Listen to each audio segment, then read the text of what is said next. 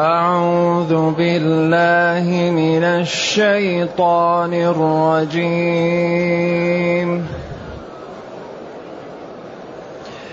انطلقوا إلى ما كنتم به تكذبون. انطلقوا إلى ظل ذي ثلاث شعب. انطلقوا إلى ظل ذي ثلاث شعب.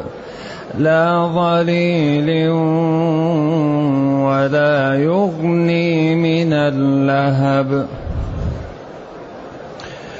إنها ترمي بشرر كالقصر كأنه جمالة صفر كأنه جمالة صفر ويل يومئذ للمكذبين هذا يوم لا ينطقون.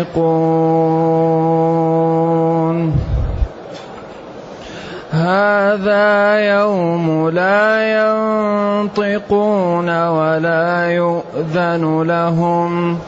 ولا يؤذن لهم فيعتذرون ويل يومئذ للمكذبين. هذا يوم الفصل جمعناكم والأولين. هذا يوم الفصل جمعناكم والأولين فإن كان لكم كيد فكيدون. ويل يومئذ للمكذبين.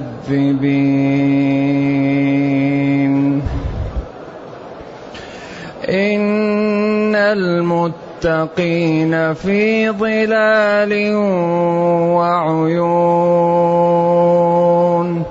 وفواكه مما يشتهون كلوا واشربوا هنيئا كلوا واشربوا هنيئا بما كنتم تعملون. أنا كذلك نجزي المحسنين. ويل يومئذ للمكذبين. كلوا وتمتعوا قليلا. كلوا وتمتعوا قليلا. إنكم مجرمون. ويل يومئذ للمكذبين. واذا قيل لهم اركعوا لا يركعون ويل يومئذ للمكذبين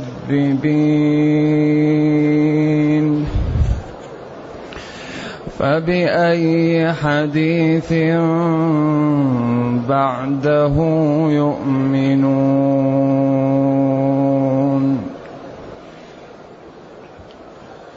الحمد لله الذي أنزل إلينا أشمل كتاب وأرسل إلينا أفضل الرسل وجعلنا خير أمة أخرجت للناس فله الحمد وله الشكر على هذه النعم العظيمة والآلاء الجسيمة والصلاة والسلام على خير خلق الله وعلى آله وأصحابه ومن اهتدى بهداه. ما بعد فإن الله تعالى يمر أهل النار إلى الذهاب إليها. انطلقوا. الانطلاق هو الذهاب والمشي. نعم. والناس يوم القيامة تذهب إلى المحشر. كل واحد بقدرة الله تعالى يذهب إلى المحشر. يساقون. ما يمكن واحد يذهب إلى جهة أخرى. جميعهم فيقال لهؤلاء عياذا بالله بعد أن يعني يأتي الحساب انطلقوا إلى ما كنتم به تكذبون. اذهبوا إلى الشيء الذي كنتم به تكذبون أو إلى تكذيبكم إلى ما كنتم. هل ما مصدرية أو موصولية؟ إلى إلى تكذيبكم أو الذي تكذبون به. وهو أن ما في جنة ولا نار ولا في حساب ولا شيء إلى ما كنتم به تكذبون. الشيء الذي كنتم به تكذبون هو هذا. انطلقوا إلى ظل. ذي ثلاث شعب. انطلقوا إلى الشيء الذي كنتم به تكذبون وهو ظل ذي ثلاث شعب. إذا ما متعلقة بظل ذي ثلاث شعب. انطلقوا إلى ظل. وكرر للبيان وزيادة الإيضاح. الظل هنا قال العلماء هو الدخان.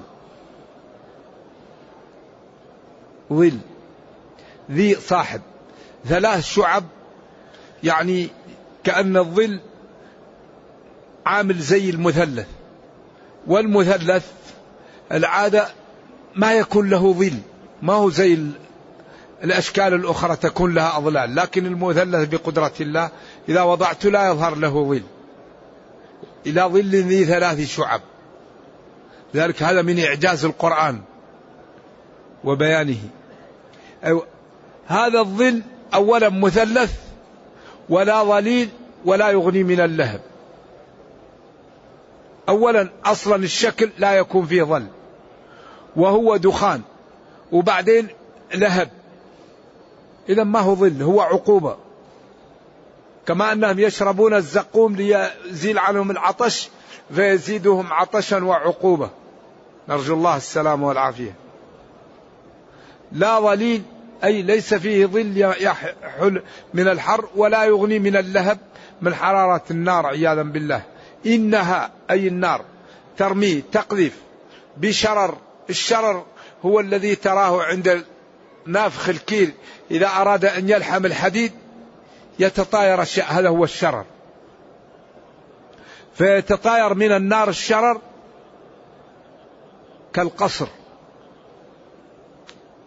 القصر في أقوال.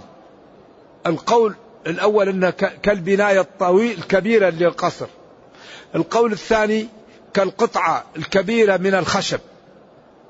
شراره إما مثل البيت أو مثل الخشبة الكبيرة التي تقطع فكأنها تطير كلها. كأنه أي الشرر جمالات جمالة جمالة. جمالات دمع جمل جمع جمال كرجل ورجال ورجالات جمل وجمال وجمالات رجل ورجال ورجالات جمع جمع جمالات.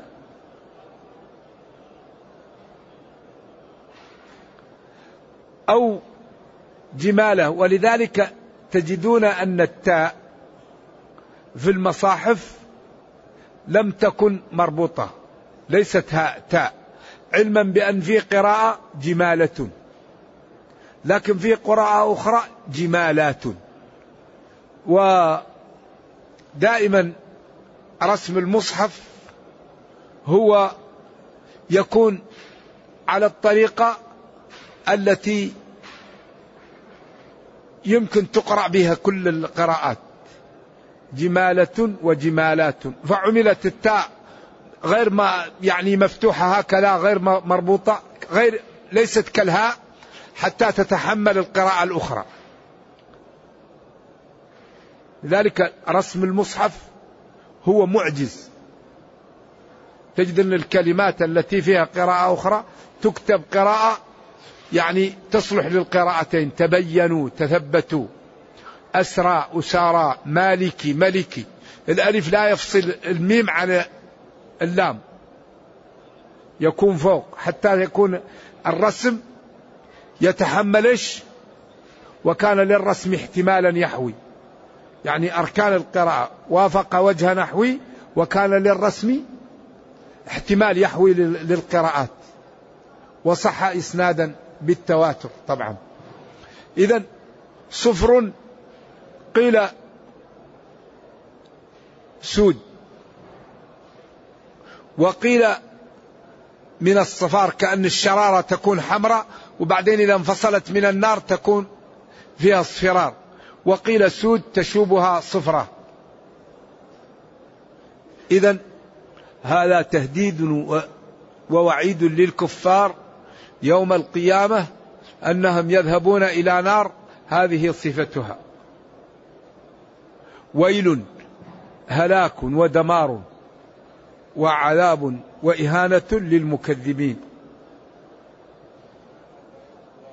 هذا يوم القيامة يوم لا ينطقون. قالوا فوربك لنسألنهم أجمعين. وقال جل وعلا فيومئذ لا يسأل عن ذنبه إنس ولا جان. فلما سئل ابن عباس قال إن يوم القيامة مواقف.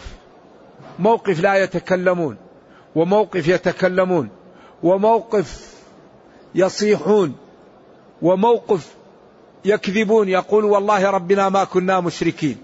فهذه مواقف وأحيانا يوصف موقف في هذا اليوم ويوصف موقف في هذا الوقت. ولذلك هذا يوم لا ينطقون الوقت. يوم هنا مقصود به الوقت الذي لا ينطقون. ولا يؤذن لهم في أن يتكلموا فيعتذرون عما فعلوا من المعاصي ويتوبون منها لأن القيامة ما فيها إلا الجزاء.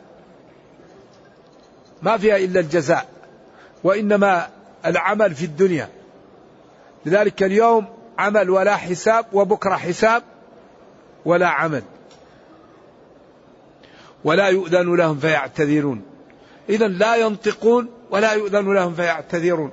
إذا لا ملجأ لهم ولا منجأ. ما لهم إلا العقوبة. والنتيجة يا عبد الله أنجو بنفسك قبل أن تقع فيما وقع فيه هؤلاء. هذه الشريحة التي لم تطع ربها وكفرت به ولم تنظر في الأدلة ولم تستعمل عقلها ولم تشكر نعم الله تعالى هذا جزاؤها. فاعتبر يا من أعطاك الله العقل وبصرك بالحق وفهمك فاعتبر وانجو بنفسك قبل أن تقع في الهلكة هذا النتيجة.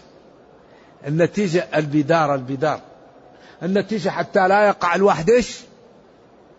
في الهلكة عياذا بالله الكفار يقولون يا ويلنا يا ليتنا نرد ولا نكذب بآيات ربنا ونكون من المؤمنين. بل بدا لهم ما كانوا يخفون من قبل. صحة الدين وبيانه بدا لهم ذلك وظهر لهم. ولكن ما فيه ما فيها مداركة فالتدارك الآن. التدارك ما زال الإنسان في الدنيا هو اللي ولكن إبليس والنفس والمال والناس هذه سدود تحول بين المسلم وبين السير إلى الله. النفس أمارة بالسوء. الشيطان لكم عدو. المال تحبون المال حبا جما الناس شياطين الإنس. هذه هي المعوقات عن أن يسير الإنسان في طريق الحق. فينبغي للعاقل أن يجتهد ويكابد حتى ينجو. والذين جاهدوا والذين جاهدوا. وفي هذا الزمن جاءتنا قنوات وجاءتنا يعني أمور ومواقع. إذا رآها الشيطان قال لأصحابها اتقوا الله. هم سبقوا الشيطان في هذا الأمر. الآن بعض القنوات لا تشتغل إلا بالرقص وبالضياع وبالعري وبالإثارة الشهوة وإثارة الضياع. بعض المواقع لا يوجد فيها إلا شيء لا يجوز. فحري بالفضلاء والعقلاء والشرفاء أن تكون لهم قنوات لا تبين إلا الحق وتكون لهم مواقع لا يكون فيها إلا إظهار جمال هذا الدين وحسنه وخطورة البعد عنه للإنسان في دنياه وأخراه. لأن المسلمين الحقيقة عندهم هذا الدين الذي هو كنز تحتاج كل الخليقة. فينبغي لهم أن يكون عرضهم لدينهم عرض جيد. واحد تكون عنده بضاعة مغشوشة ويحطها في ديكور ويحط لها أشياء فإذا رآها الإنسان يستهوي ويذهب إليها. وواحد يكون عنده الذهب والفضة والجواهر ويكون محل البضاعة وسخ وما يصلح فإذا رآها الناس شردوا عنها إذا العرض مهم جدا. ينبغي أن نعرض ديننا للناس عرض جميل. فنظهر بالنظافة وبالصدق وبالحسن وبالتواضع وبالأدب وبالكلام الجميل. حتى الناس تحب هذا الدين وتقبله. إحنا عندنا دين. هذا الدين ينبغي أن نرفق بالناس حتى نوصله إياها. لا بد للداعية ولمن عنده شيء مهم أن يرفق بالناس حتى يوصله إليهم. المريض إذا أردنا أن نعطيه العلاج ما لا نفعل؟ نحطه في العسل. المريض إذا أردنا أن نزيل المرض من الجسم نأتي بالطبيب ويضربه ما لا ويحقنه البنج. فالكلام الطيب والإكرام مثل البنج. ومثل كلمة طي... وضرب الله مثلا كلمة طيبة كشجرة طيبة. أصلها ثابت وفرعها في السماء. تؤتي أكلها كل حين بإذن ربها. ويضرب الله الأمثال للناس والله بكل شيء عليم.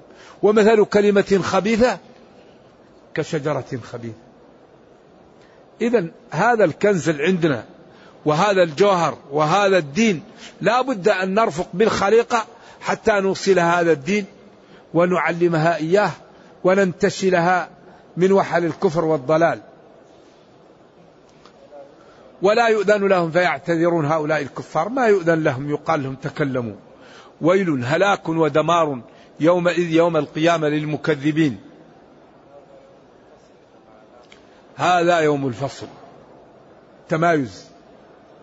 جمعناكم له. والأولين كل من كان قبلكم. يا كفار قريش ويا العالم يجمع كله ويفصل بين الناس. من له مظلمة فليأتي. من له شيء من عند كل واحد يؤخذ أجره. حتى الشاة القرناء يؤخذ منها للشاة الجلحة. شاة القرناء الذي لها قرن الشاة الذي لا قرن لها إذا نطحتها يؤخذ منها لها يوم القيامة. ثم يقال للدواب كوني ترابا فيقول الكافر يا ليتني كنت ترابا. مثل الحيوانات.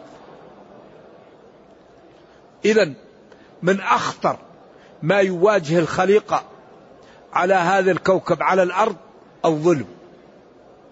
حذاري حذاري من الظلم.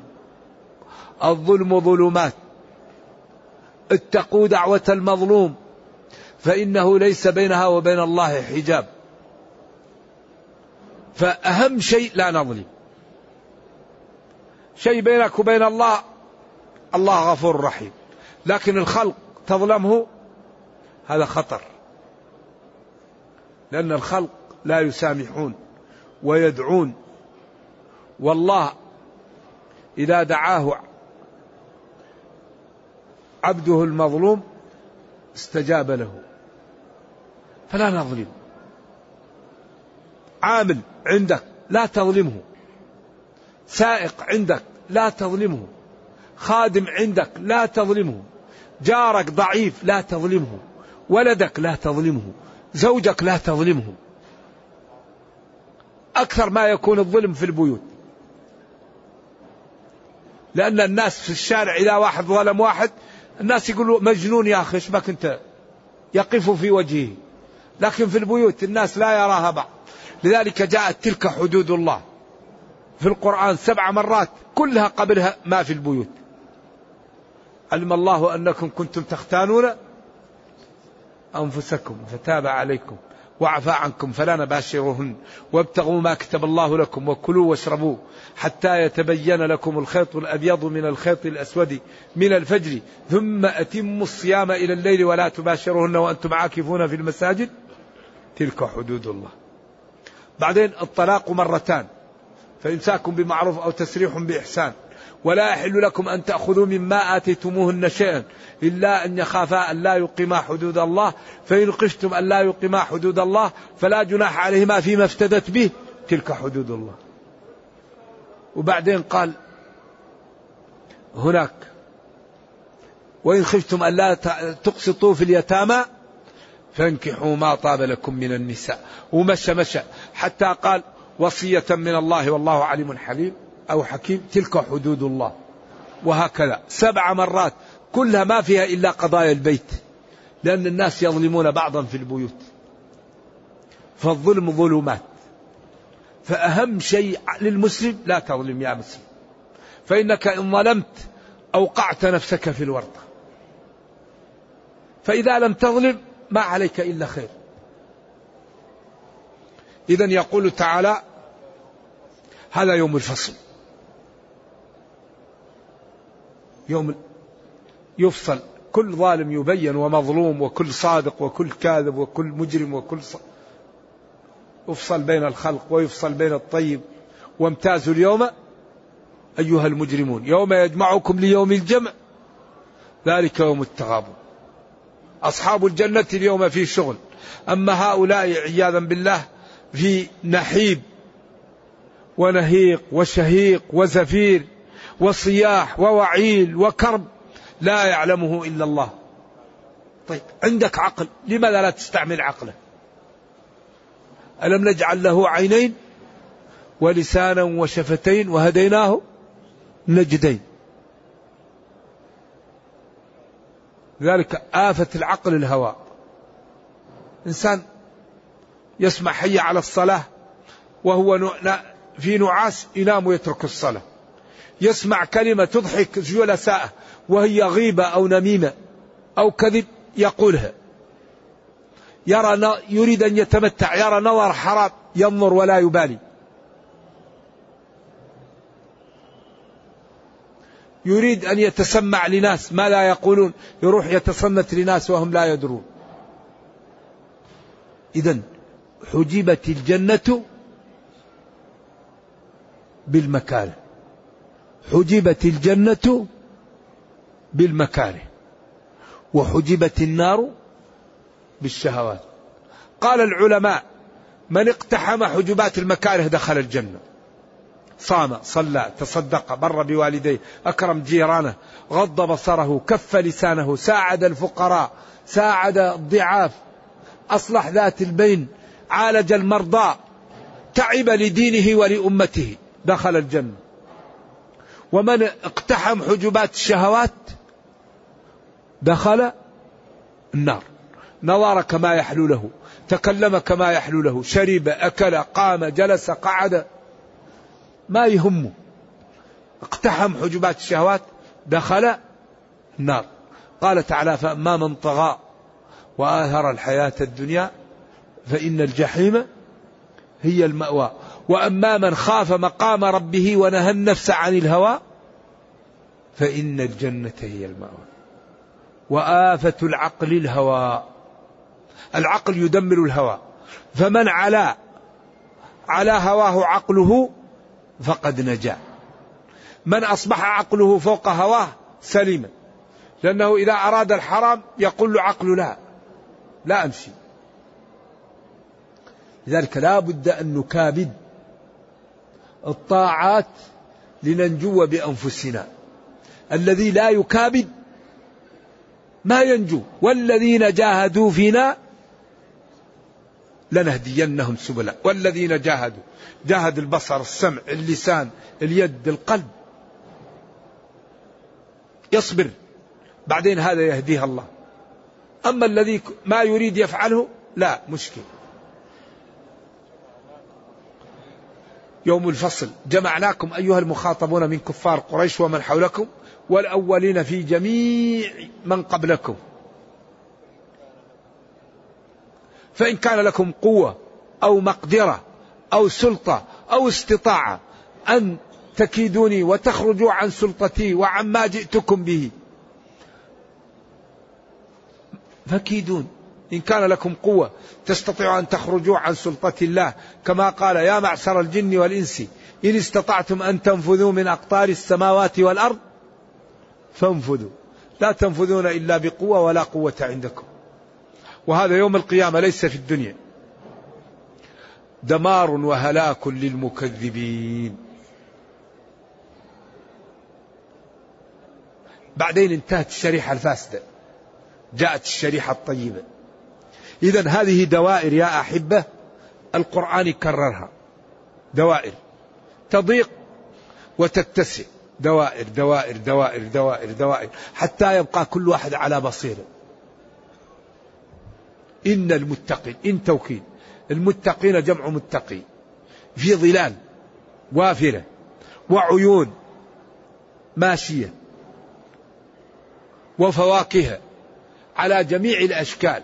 مما يشتهون ويقال لهم كلوا واشربوا متهنئين متمتعين متلذذين بسبب عملكم في الدنيا وتعبكم أيامكم في فيش؟ قبل أن تموتوا. كنتم تصومون وكنتم تزكون. وكنتم تكرمون الأيتام وكنتم تسهرون في الصلاة وكنتم تصلحون ذات البين وكنتم تبتعدون عن الربا وعن الرياء بما كنتم تعملون من الأعمال الخير وكنتم توحدون الله وتطيعونه ولا تشركون ولا تنافقون بما كنتم أيضا هذه الظلال وهذه الفواكه وهذه الكرامة بسبب إيش؟ عملكم. قال تعالى: تتجافى جنوبهم عن المضاجع. بعدين هذا المضجع في الليل إذا كان الإنسان له أشغال يكون يحبه ويريحه. فإذا تتجافى عنه هذا يدل على أن الإيمان إيش؟ قوي. تتجافى جنوبهم عن المضاجع. محل الوسادة والنوم. ومما رزقناهم يدعون ربهم خوفا. خوفا من النار وطمعا في الجنة ومما رزقناهم من الأموال ينفقون. فلا تعلم نفس ما أخفي لهم من قرة أعين. إيش؟ جزاء بما كانوا يعملون. اذا هذا الدين وهذه الحياة يحكمها قانون المبادلة. المبادلة. أوفوا بعهدي أوفي بعهدكم. إن الله اشترى اشترى. فاستبشروا ببيعكم. المسلمون يريدون الثمن والمذمون نريد كل شيء بدون ندفع شيء. ما صلح هذا. مليار وستمائة مليون. لا لا يستشارون في خصوصيات أمورهم. لماذا؟ لماذا؟ لأنهم لم يقوموا بالأسباب. الحياة يحكمها قانون المسببات. من يريد العلم يتعلم. من يريد التقى يترك المعاصي. من يريد أن يحبه الناس يكرمها ولا يؤذيها. من يريد الجنة يطيع الله. يتبع النبي صلى الله عليه وسلم. من أطاعني؟ النبي صلى الله عليه وسلم يقول من أطاعني؟ دخل الجنة. لكن يكون عرفنا كل شيء نريد نأخذ الثمن والمثمون هذا ما حصل. لولا المشقة إيش؟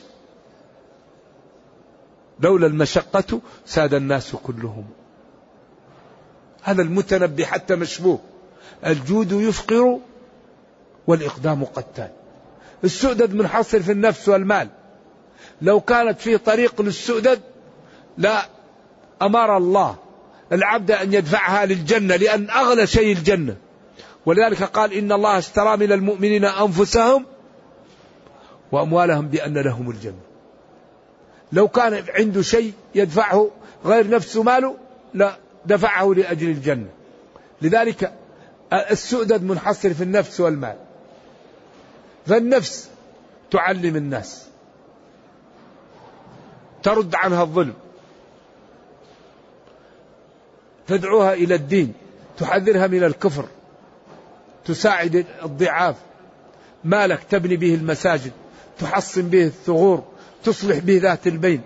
الإنسان لا يملك إلا نفسه أو ماله. فلذلك ينبغي أن يبذل من نفسه وماله لدينه ولأمته. ينبغي أن نبذل من أنفسنا وأموالنا لديننا ولأمتنا. لأن هذا الإسلام دين راقي. دين يعالج كل مشكلة على وجه الأرض. كل المشاكل في وجه الأرض معالجة في القرآن. لا أقول هذا عاطفة. هذا واقع لأن الله قال ونزلنا عليك الكتاب تبيانا لكل شيء وقال ومن أصدق من الله قيلا إذا كل قضية محلولة في القرآن. فلماذا لا نثور القرآن ونفتش وننقب وكل مشكلة نحلها من كتابنا. لماذا لا نستكتب في الاستفادة من القرآن في كل ناحية. لكن المسلمين عندهم موهبة في تضييع الفرص. المسلمون عندهم موهبة في تضييع الفرص. يضيعوا فرص. لذلك كل سنة يصرف العالم الإسلامي أربعة بلايين دولار على التعليم العالي وتذهب إلى غير المسلمين. كل سنة العالم الإسلامي يصرف أربعة بلايين دولار في التعليم ما بعد الكلية. وبعدين تذهب إلى الغرب وإلى الشرق أستراليا كندا أمريكا أوروبا. إذا مشكلة. أمة إذا كانت تزهد في العقول النتيجة ما هي؟ ما هي النتيجة؟ الضعف. إذا لابد يكون عندنا ثقافة الاهتمام بالعقول.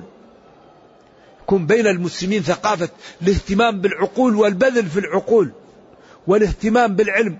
كل شيء في الدنيا يرفع بالعلم وكل شيء في الدنيا يتضع بالجهل. لا يوجد شيء أقوى من العلم. ولا يوجد شيء أكثر تدمير للعالم من الجهل. والجهل يهدم بيت العز والشرف. لما جهلت جهلت أنك جاهل وجهل الجهل داء معضل. من أضرار الجهل أن الجاهل يظن عالم. العالم إذا تعلم يعرف أنه جاهل. كل ما زاد علم الإنسان ظهر له جهله. وتواضع وخاف من الله وانتبه. لأن العالم ما يقدر يعق والديه.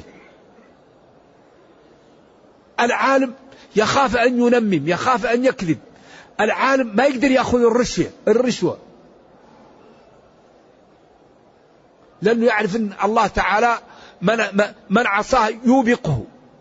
لذلك قال تعالى إنما يخشى الله من عباده من؟ العلماء. العلماء بما عند الله للمتقين والعلماء بما عند الله للمجرمين. لذلك من فائدة العلم أن الإنسان يتعلم لغرض لوظيفة أو لجاه أو لشهوة. فإذا تعلم العلم يرغمك على الإخلاص. من ثمرة العلم أنه يرغمك على أن تخاف الله وتخلص. لذلك قالوا تعلمنا العلم لغير الله فأبى العلم أن يكون إلا لله. لذلك ينبغي أن نهتم بالعلم ونبني حياتنا على العلم ونسكت بعلم ونقبل بعلم ونرفض بعلم حتى تستنير لنا الحياة وتكون حياتنا تدر علينا الحسنات وكل من خالطنا استفاد منا. إذا إن المتقين في ظلال وعيون وفاكهة مما يشتهون. كلوا ويقال لهم كلوا واشربوا متهنئين بما كنتم تعملون. إنا كذلك نجزي المحسنين. مثل ما فعلنا بكم نفعل بالمحسنين. ثم قال ويل يومئذ للمكذبين الذين عملوا خلاف هذا العمل. ثم قال للكفار كلوا تهديد وتمتعوا. اكلا وتمتعا قليلا. إنكم مجرمون كافرون خارجون عن طاعة الله. فالتمتع في الدنيا زائل. قل متاع الدنيا قليل. والآخرة خير لمن اتقى ولا تظلمون فتيلا. فمن زحزح عن النار وأدخل الجنة فقد فاز. وما الحياة الدنيا إلا متاع الغرور. يقال لهؤلاء كلوا وتمتعوا قليلا. إنكم مجرمون كافرون ظالمون هالكون. ويل يومئذ للمكذبين. دمار وهلاك وعقوبة للكافرين يوم القيامة. وإذا قيل لهؤلاء الكفار من قريش ومن أتباعهم اركعوا آمنوا صلوا لا يركعون. ويل يومئذ للمكذبين. فاء الفاء هنا يقال لها الفاء الفاصحة وكأنها مومئة إلى شرط محذوف. فإن كفرتم بالقرآن فبأي حديث بعده تؤمنون؟ إن كفرتم بالقرآن وهو أدلة ناصعة واضحة لا لبس فيها فبأي حديث بعده تؤمنون؟ إذا لا تؤمنون أبدا لأنه لا يوجد كتاب أوضح ولا أشمل ولا أجمع ولا أكثر إعجاز من القرآن. فالطريقة التي تجعلكم تؤمنون بغيره هي فيه أقوى وأظهر. إذا إن كفرتم به لا تؤمنون. أيوة فبأي حديث بعده يؤمنون؟ إن كفروا به فلا حديث بعده يؤمنون. ونرجو الله جل وعلا أن يرينا الحق حقا ويرزقنا اتباعه وأن يرينا الباطل باطلا ويرزقنا اجتنابه وأن لا يجعل الأمر ملتبسا علينا فنضل اللهم ربنا أتنا في الدنيا حسنة وفي الآخرة حسنة وقنا عذاب النار. اللهم اختم بالسعادة آجالنا واقرم بالعافية غدونا وآصالنا واجعل إلى جنتك مصيرنا ومآلنا. سبحان ربك رب العزة عما يصفون وسلام على المرسلين والحمد لله رب العالمين وصلى الله وسلم وبارك على نبينا محمد وعلى آله وصحبه والسلام عليكم ورحمة الله تعالى وبركاته. ما الفرق بين الوفاة والموت؟ الوفاة هي الموت. توفاه إذا أخذه كاملا وأماته إذا يعني خرجت روحه من جسده. فالتوفي هو الموت إلا أن فيه موت كبرى وموت صغرى. نعم. هل تجوز كتابة القرآن بغير رسمه؟ الأولى لا. لا ينبغي أن يكتب القرآن إلا برسم المصحف العثماني. وإن كان الإنسان لا يعرفه لا مانع إن كان يكتب في ورقة أو شيء. أما المصحف فلا يجوز أن يكتب إلا برسم المصحف العثماني. أما إنسان يكتب كلام وكتب آية الأولى أن يرسمها بالمصحف العثماني لكن إن كتبها بغير ذلك فهي أخف. لكن الأولى أن لا يكتب إلا برسم المصحف. يقول أريد كلمة تؤثر عن الغفلة بأسلوب مؤثر. إنسان متذكر لله نرجو. على كل حال الغفلة سببها أولا للهماك في الدنيا. كثرة الكلام فيما لا ينفعك. أصدقاء السوء التعلق بالدنيا. فالغفلة لها أسباب ومن أكبر أسباب الغفلة أكل الحرام والوقوع في أعراض الناس. هذا يسبب الغفلة ويسبب قسوة القلب. لذلك أخطر شيء إنسان يأكل الحرام سواء كان ميتة أو رشوة أو ربا. في أن الحرام ينبت منه اللحم ويسبب للقلب قساوة فالإنسان يتكاسل عن العبادة فيستحوذ عليه الشيطان. لذلك رب أكل أو شرب حرام سببت للإنسان مشاكل. ذلك إن الجبال من الحصى. فالإنسان ينبغي أن يبتعد عن الحرام لأنه يمحق ويحرق. الحرام يمحق ويحرق صاحبه. فلذلك ما يوجد شيء أعز للمسلم ولا أنفع له ولا أبرك له من تقوى الله. وإذا اتقى العبد الله بارك له في المال القليل وفي العمر القليل وفي الولد القليل وجعل حياته حياة مطمئنة. وإذا عصى العبد ربه لم يبارك له في عمره ولا في ماله ولا في ولده. وأصبحت حياته قليلة الفائدة. فلا يوجد شيء أنفع من طاعة الله. من الاستقامة. استقم كما أمرت. وما تريد يعطيك الله. الذي يريد شيئا يطلبه من الله عن طريق طاعة الله. لأن ما عند الله ينال بطاعة الله. ما لا يقال للذي يمل من الآيات المتكررة. هذا ما هو فاهم هذا القرآن وأسلوبه لا بد لمن يقرأه أن يكون ملما بالبلاغة وبالأساليب وعارف دلالات الألفاظ وبما يجمل الكلام وبما يقبح لأنه إذا درس الأساليب وعرف أسباب جمال الكلام وقرأ في القرآن يجد أن هذا التكرار غاية في الجمال والحسن في محله. لكن الإنسان إذا جهل يتكلم لأن الذي يجهل يظن عالم وبعدين يتكلم وهو جاهل. ولذلك وجهل الجهل داء معضل. نرجو الله السلام والعافية.